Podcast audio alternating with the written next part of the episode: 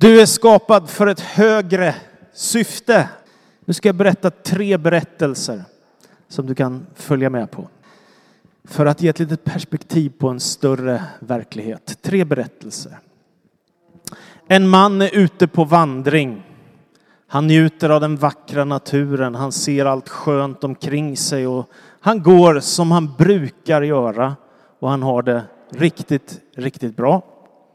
Men så upptäcker han i horisonten längre bort där att men det har hänt något där. De håller på att bygga en ny byggnad. Så han går fram, närmar sig, så ser han att det är två byggarbetare vid den här arbetsplatsen. Så han tänker, jag måste få höra vad de håller på med. Så han går fram till den första och så säger han, vad gör du för någonting här? Jag murar ser du väl, svarar han. Jaha, okej. Okay. Och så går han vidare till den andra och så säger han, vad gör du här för någonting? Då reser han på sig och så säger han, jag håller på att bygga en stor katedral. Det kommer bli en sån mäktig kyrka här att människor kommer strömma för att vilja se den här platsen. Och här kommer människor be och här kommer människor söka Gud. Och här kommer människor ta kort. Ni vet. Alltså vad har du för bild av det du håller på med? Murar du bara lite bildligt talat? Eller håller du på att bygga en katedral? Gör du något större med ditt liv? Den andra berättelsen hämtar jag ifrån en fattig del av Afrika. Det var en chef som bestämde sig för att han skulle försöka nå nya delar av Afrika med skoförsäljning. Därför bestämmer han sig för att han ska skicka iväg två av sina säljare på ett flygplan och så ska de komma till en plats där de inte har varit förut med sina skoaffärer och sålt. Så en dag så sätter sig de här två säljarna på flyget och de ger sig av, flyger iväg och så landar de och de tar in på ett hotell, sover över och när de vaknar på morgonen så ger de sig av för att se platsen, en ganska fattig plats i Afrika. Om det finns någon möjlighet att starta något arbete med att sälja skor. Och de går runt och tittar och ser på alla människor som finns på den här platsen, en fattig plats. Och sen på kvällen ska de rapportera tillbaka till sin chef där hemma. Då skriver den första så här. Omöjlig marknad. Inte en enda person har skor här. Det finns ingen som har skor. Här kan vi inte göra någonting. Och vet ni vad den andra skriver? Han skriver perfekt marknad. Det finns inte en enda person som har skor här. Vi kan sälja billiga skor till varenda person i, den här, i det här samhället. Alltså vad har du för perspektiv av det du håller på med? Är det omöjligt? Går det inte att ge evangeliet till människor i ett sekulariserat land? De är skolösa en del. De kan behöva skor, eller hur? Den tredje berättelsen hämtar jag från mitt eget liv. 2007 så var vi på resa genom Europa och vi satte oss i bilen och vi körde genom Tyskland. Det är livsfarligt att åka på autobahn i, i Tyskland. Har ni gjort det någon gång? Man kan köra i 110 och så blir man omkörd och så fruktansvärt snabbt. Det är livsfarligt. Autobahn, där går det fort. I varje fall så kom vi vidare. Vi tog oss ner till Österrike och vi stannade i Innsbruck, en jättevacker stad och vi tänkte här ska vi ta in på något vandrarhem eller hotell eller något så vi får sova för natten. Men vi hittade inget som var bra och som funkade. Så då bestämde vi oss, vi åker vidare och min svåger han hade redan 2007 köpt en GPS så vi kunde följa efter honom. Och så tog vi upp i bergen i Alperna, otroligt vackert. Och sen så hittade han ett ställe där vi kunde sova för natten då med utsikt över Alperna. Otroligt vackert. Och så åt vi lite kvällsmat och så somnade vi och jag vaknade först av alla på morgonen.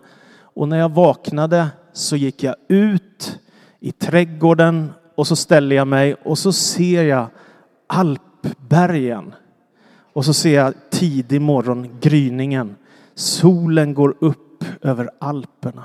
Och det är så oändligt vackert och det är en av mina starkaste naturupplevelser av Guds närvaro och känsla av jag är del av något så mycket större. För mig var det en sån här gudsupplevelse.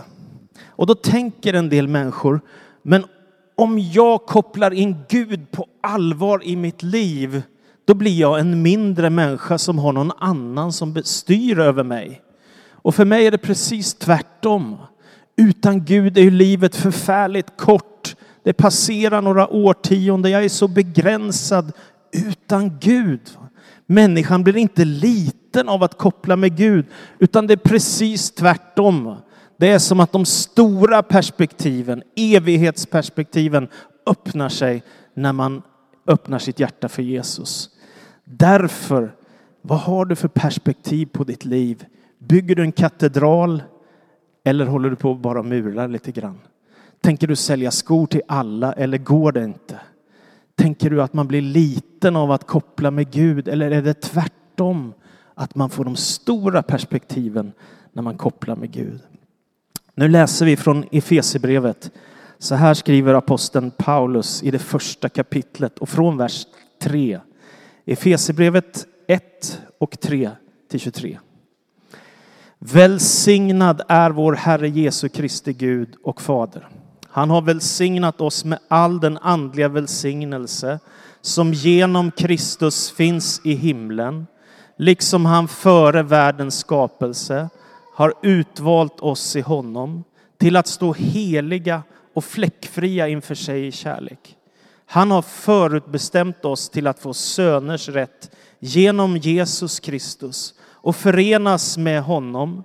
Det var hans viljas beslut till pris och ära för den nåd som han har skänkt oss med sin älskade son.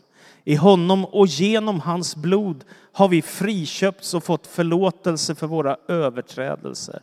Så rik är den nåd med vilken Gud har låtit all vishet och klokhet flöda över oss. Och han har yppat sin viljas hemlighet för oss. Det beslut om Kristus som han hade fattat från början och som skulle genomföras när tiden var inne. Att sammanfatta allting i Kristus, allt i himlen och på jorden. I honom har vi fått vår arvslott förutbestämda därtill av honom som låter allt ske efter sin vilja och sitt beslut. Vi ska vara Gud till pris och ära, vi som redan på förhand hade satt vårt hopp till Kristus. I honom har också ni, sedan ni hört det sanna ordet, evangeliet om er frälsning. I honom har också ni, sedan ni kommit till tro, fått den utlovade heliga ande som ett sigill. Den är en borgen för vårt arv, att Gud, Guds folk ska bli friköpt och Gud få pris och ära. Jag upphör därför aldrig att tacka Gud för er när jag nämner er i mina böner sedan jag nu hört om er tro på Herren Jesus Kristus och er kärlek till alla de heliga, jag ber att vår Herre Jesu Kristi Gud, härlighetens fader, ska ge er en vishetens och uppenbarelsens ande som låter er få kunskap om honom. Må han ge ert inre öga ljus så att ni kan se vilket hopp han har kallat oss till, vilket rikt och härligt arv han ger oss bland de heliga. Hur väldig hans styrka är för oss som tror.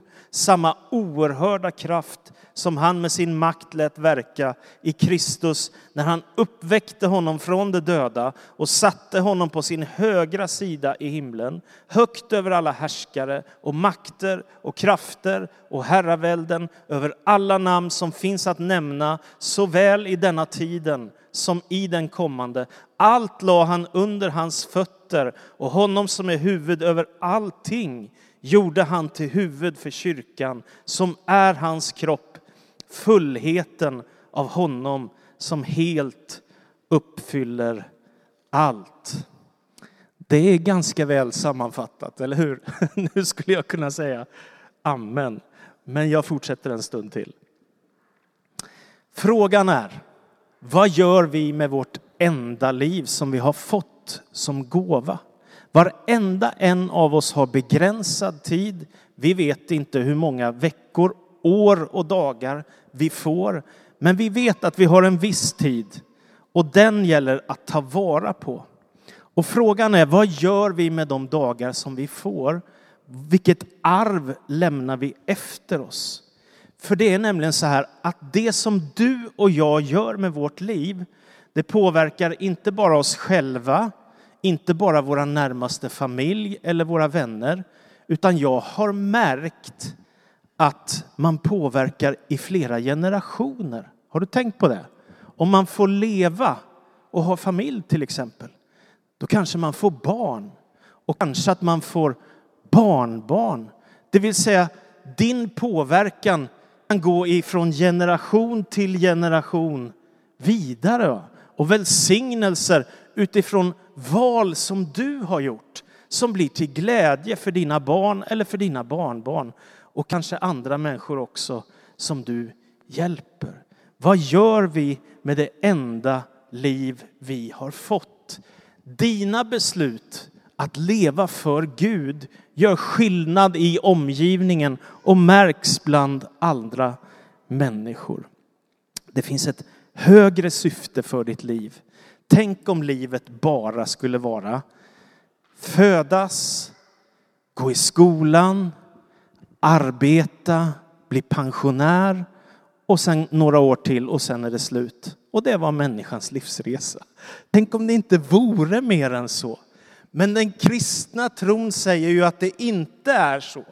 Utan att vi har vårt ursprung i Gud som har skapat himmel och jord och som vill någonting med varenda människa på denna jord och som följer oss alla våra dagar genom livet. Och när, han står, när vi står vid vårt livs slutstation, då är det som jag sagt flera gånger förut, då står Jesus på ändstationen. Det är inte tomt och svart där. Det finns en frälsare som väntar på dig. Du ska hem till Gud i evigheten. Därför att vara kristen människa, det är att vara pilgrim. Du är på resa genom livet, på väg hem till Gud. Det finns ett högre syfte för ditt liv.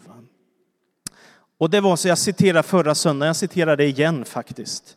Brian Houston han har sagt så här, hemligheten till att leva ett meningsfullt liv, det är att leva för något som är större än du. Det är det som Kristi kallelse handlar om. Kristi kallelse gör ditt liv större, för du kopplar med ursprunget till hela universum. Du kopplar med den Gud som har kallat dig.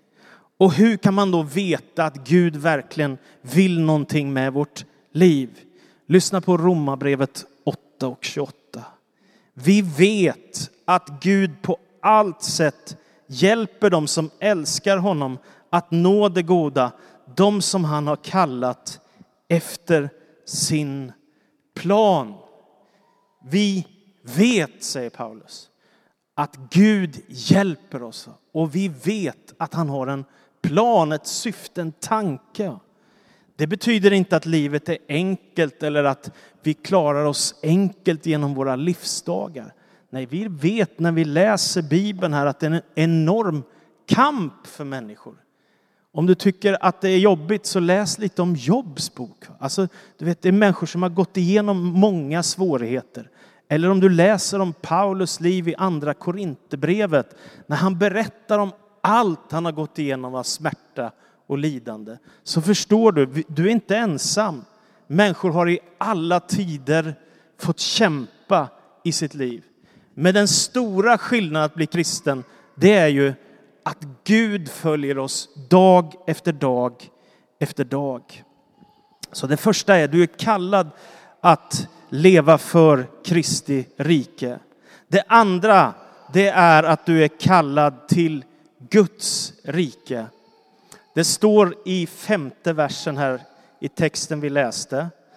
Han har förutbestämt oss till att få söners rätt genom Jesus Kristus. Det är väldigt starkt för mig. Han har förutbestämt. Gud ville vår frälsning redan innan vi föddes. Han har inte bara skapat oss som människor, utan han har också tänkt för varenda en av oss att vi ska leva med Kristus i Guds rike och då, det som händer är ju att vi får arvsrätt. Du vet om du har en far eller en mor som har mycket resurser och som äger mycket, då får du arvsrätt, eller hur? Du vet när mammas eller pappas liv tar slut så får jag det där huset eller de där pengarna som finns på banken eller vad det nu är. Här finns arvsrätt i Guds rike. Han har förutbestämt oss till att bli söner och döttrar. Det vill säga, vi blir syskon i tron och vi hör till ett folk, Guds folk, som vandrar genom världen. Det har ingenting med min godhet eller din godhet att göra. Ingenting med hur förträffliga vissa människor är. Utan det har bara sin grund i Guds eget fria beslut och hans nåd att han älskar oss och vill göra oss till söner och döttrar i sitt rike. Det grundar sig på Guds ovillkorliga kärlek, på hans oföränderliga godhet och på hans eviga plan som du är kallad att leva i. Sen kommer ju de här motgångarna som jag varit inne på och då kan man ibland känna att jag ger upp. Jag ger upp. Eh, och jag hade för några år sedan en sån här riktigt tuff motgångsperiod. Ni vet de där dagarna kommer när det blir svårt och mörkt och tungt. Och då ringde jag till Pelle Hörnmark, min gamle föreståndare i Jönköping. Han är en klok man och en mycket dynamisk predikant. Och så berättade jag lite om att det var jobbigt och lite motgångar och att det var tungt i livet. Och då säger han efter ett tag, tänk på lönen, sa han. Tänk på lönen. Vad menar du? Ja, men tänk på det som ska hända i evigheten. Tänk på lönen. En dag få stå inför Gud ansikte mot ansikte och säga, han säger, väl gjort du gode och trogne tjänare, kom in i din Herres eviga glädje. Är det värt att leva och dö för? Är det värt att kämpa för? Hans eviga rike. Ja, må han ge ert inre öga ljus så han kan se vilket rikt och härligt arv han ger oss, skriver Paulus. För det tredje, jag tänker att vi alla är kallade att leva passionerade liv, fyllda av entusiasm över vad vi har fått i evangeliet. Du är kallad att leva för ett högre syfte än dig själv. Tänk, det står i vers 7, genom hans blod har vi friköpts och fått förlåtelse för våra överträdelser. Så rik är den nåd med vilken Gud har låtit all vishet och klokhet flöda över oss. Jesus var fylld av passion. Tänk, han ger sitt liv i döden för vår skull.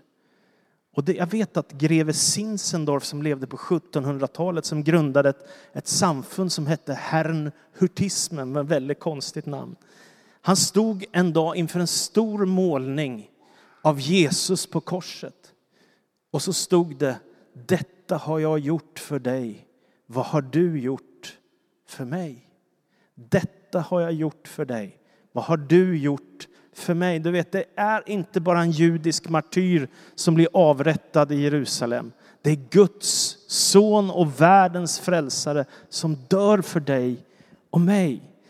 Så som han har levt passionerat för vår skull ska vi också leva i hans rike. Nu kan jag se tillbaka på 27 år av pastorstjänst. Och jag är så otroligt tacksam. 27 år. Jag kunde gjort något annat med mitt liv. Och jag satt häromdagen med en musiker, en välkänd musiker i Sverige. Och så satt vi och pratade och han har spelat musik hela sitt liv. Tänkte det kunde ha hänt mig också. Jag kunde också. Men tänk att Gud faktiskt ville något i hans kyrka med mitt liv. Det är totalt överraskande när jag ser tillbaka på det. Men jag är så otroligt tacksam att jag blev kallad och att jag blev inbjuden till Guds rike. För du vet, det är något stort. Paulus skriver här, en dag ska allting sammanfattas i Kristus. Just nu har det varit kyrkoval i Svenska kyrkan och jag har stor kärlek och respekt för Svenska kyrkan. Men när jag lyssnade på samtalen Greta eller Jesus så tänkte jag, Vem har en stor vision för kyrkan? Vem drömmer på nätterna än att det bara ska handla om etiska frågor i modern tid? Vad vi tycker och inte tycker och vad ena partiet säger och vad andra partiet säger. Vem har den stora visionen för kyrkan att det är en livsnödvändig och viktig plats i hela världen? Vem uttalar den? Jag saknar det. Jag vill höra det, någon som säger något annat än detta. Och jag säger igen, jag har stor kärlek till Svenska kyrkan, så missförstå mig inte. Men jag tyckte att vi växlar ner frågorna till småmynt istället för det stora teologiska visionen för kyrkan som han har tänkt. En dag ska allting sammanfattas i Kristus, säger Paulus. Det vill säga Gud håller på att rädda hela världen. Ja, men det är så många frågor och så, ja, det är det. Men det står ändå här. En dag när tiden är inne så ska allt i himlen och allt på jorden sammanfattas i Kristus. Då kanske det är värt att leva för Jesus och inte bara tänka men jag har mina 80-90 år om jag får leva länge och det är allt. Utan jag ska leva för evigt hos Gud. Ibland så hör jag människor säga när någon blir kristen, har du blivit religiös? Ungefär så. Har du blivit religiös? Och tänker jag, så lite man förstår vad det handlar om att möta Gud. Så lite man förstår vad det handlar om att upptäcka vem Jesus är. Vad är det som den kristna tron säger? Jo, den säger att vi får vår gemenskap upprättad med Gud. Den säger att Kristus är med oss alla dagar. Den säger att vi får förlåtelse för allt det som har blivit fel i vårt liv, för våra synder. Den säger att vi får anden som gåva som bor i oss. Vi blir del av den största rörelsen i mänsklighetens historia, den kristna kyrkan, och vi får ett hopp om att Gud en dag ska skapa en ny himmel och en ny jord. Alltså Gud håller på med en ofattbart stor räddningsaktion för hela världen. Allt ska sammanfattas i Kristus en dag. Därför är det så oändligt stort att få tillhöra Jesus. Och jag säger som jag sa förra söndagen, jag är så otroligt stolt över att få vara kristen. Jag skäms inte för evangeliet, inte en enda sekund. Ställ upp vilken människa som helst och jag kan säga, jag tror på Jesus Kristus. Jag tror att han är enda vägen till Gud. Jag tror att han älskar alla människor. Jag tror att han vill dig det bästa som finns i denna världen. Och jag har aldrig någonsin hört ett bättre eller starkare budskap som kan förändra vilken människa som helst. Jag skäms inte för evangeliet. Och till slut, vi är kallade att vara med och bygga hans kyrka. Paulus skriver i vers 22 och 23. Allt la han under hans fötter, alltså Kristus. Och honom som är huvud över allting gjorde han till huvud för kyrkan som är hans kropp, fullheten av honom som helt uppfyller allt. Det vill säga, han som är huvudet i universum, i hela detta kosmos som vi lever i. Han har blivit gjord till huvud för kyrkan. Han är herre över den kristna kyrkan i hela världen. Och han har lovat att bygga sin församling. Och det är därför din och min tid och kraft, våra resurser, våra förböner, vårt engagemang, vårt hjärta behövs för den här världen.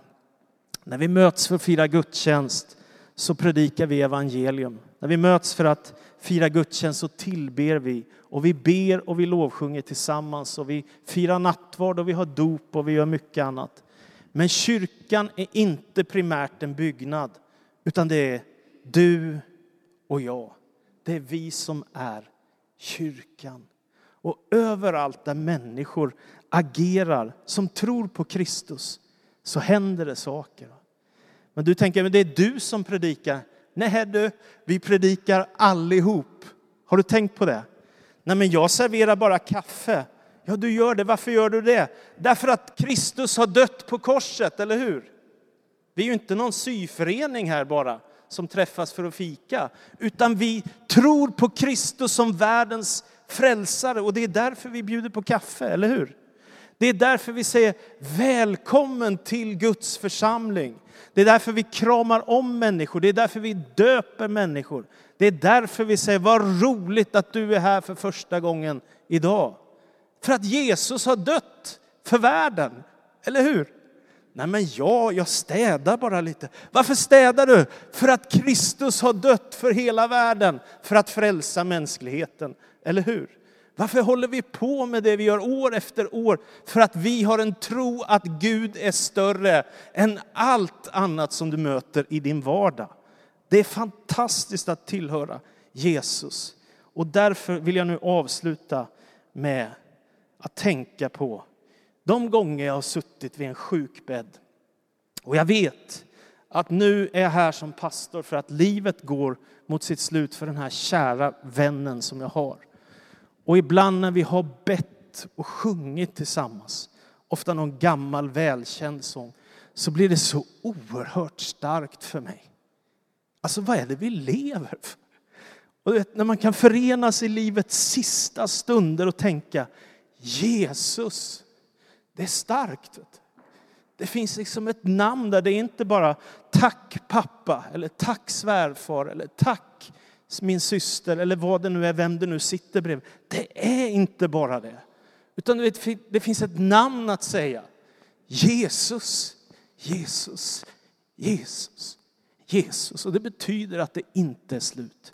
Det ska pågå i evigheternas evighet. Därför har jag ett sånt enormt stort hopp i mitt liv.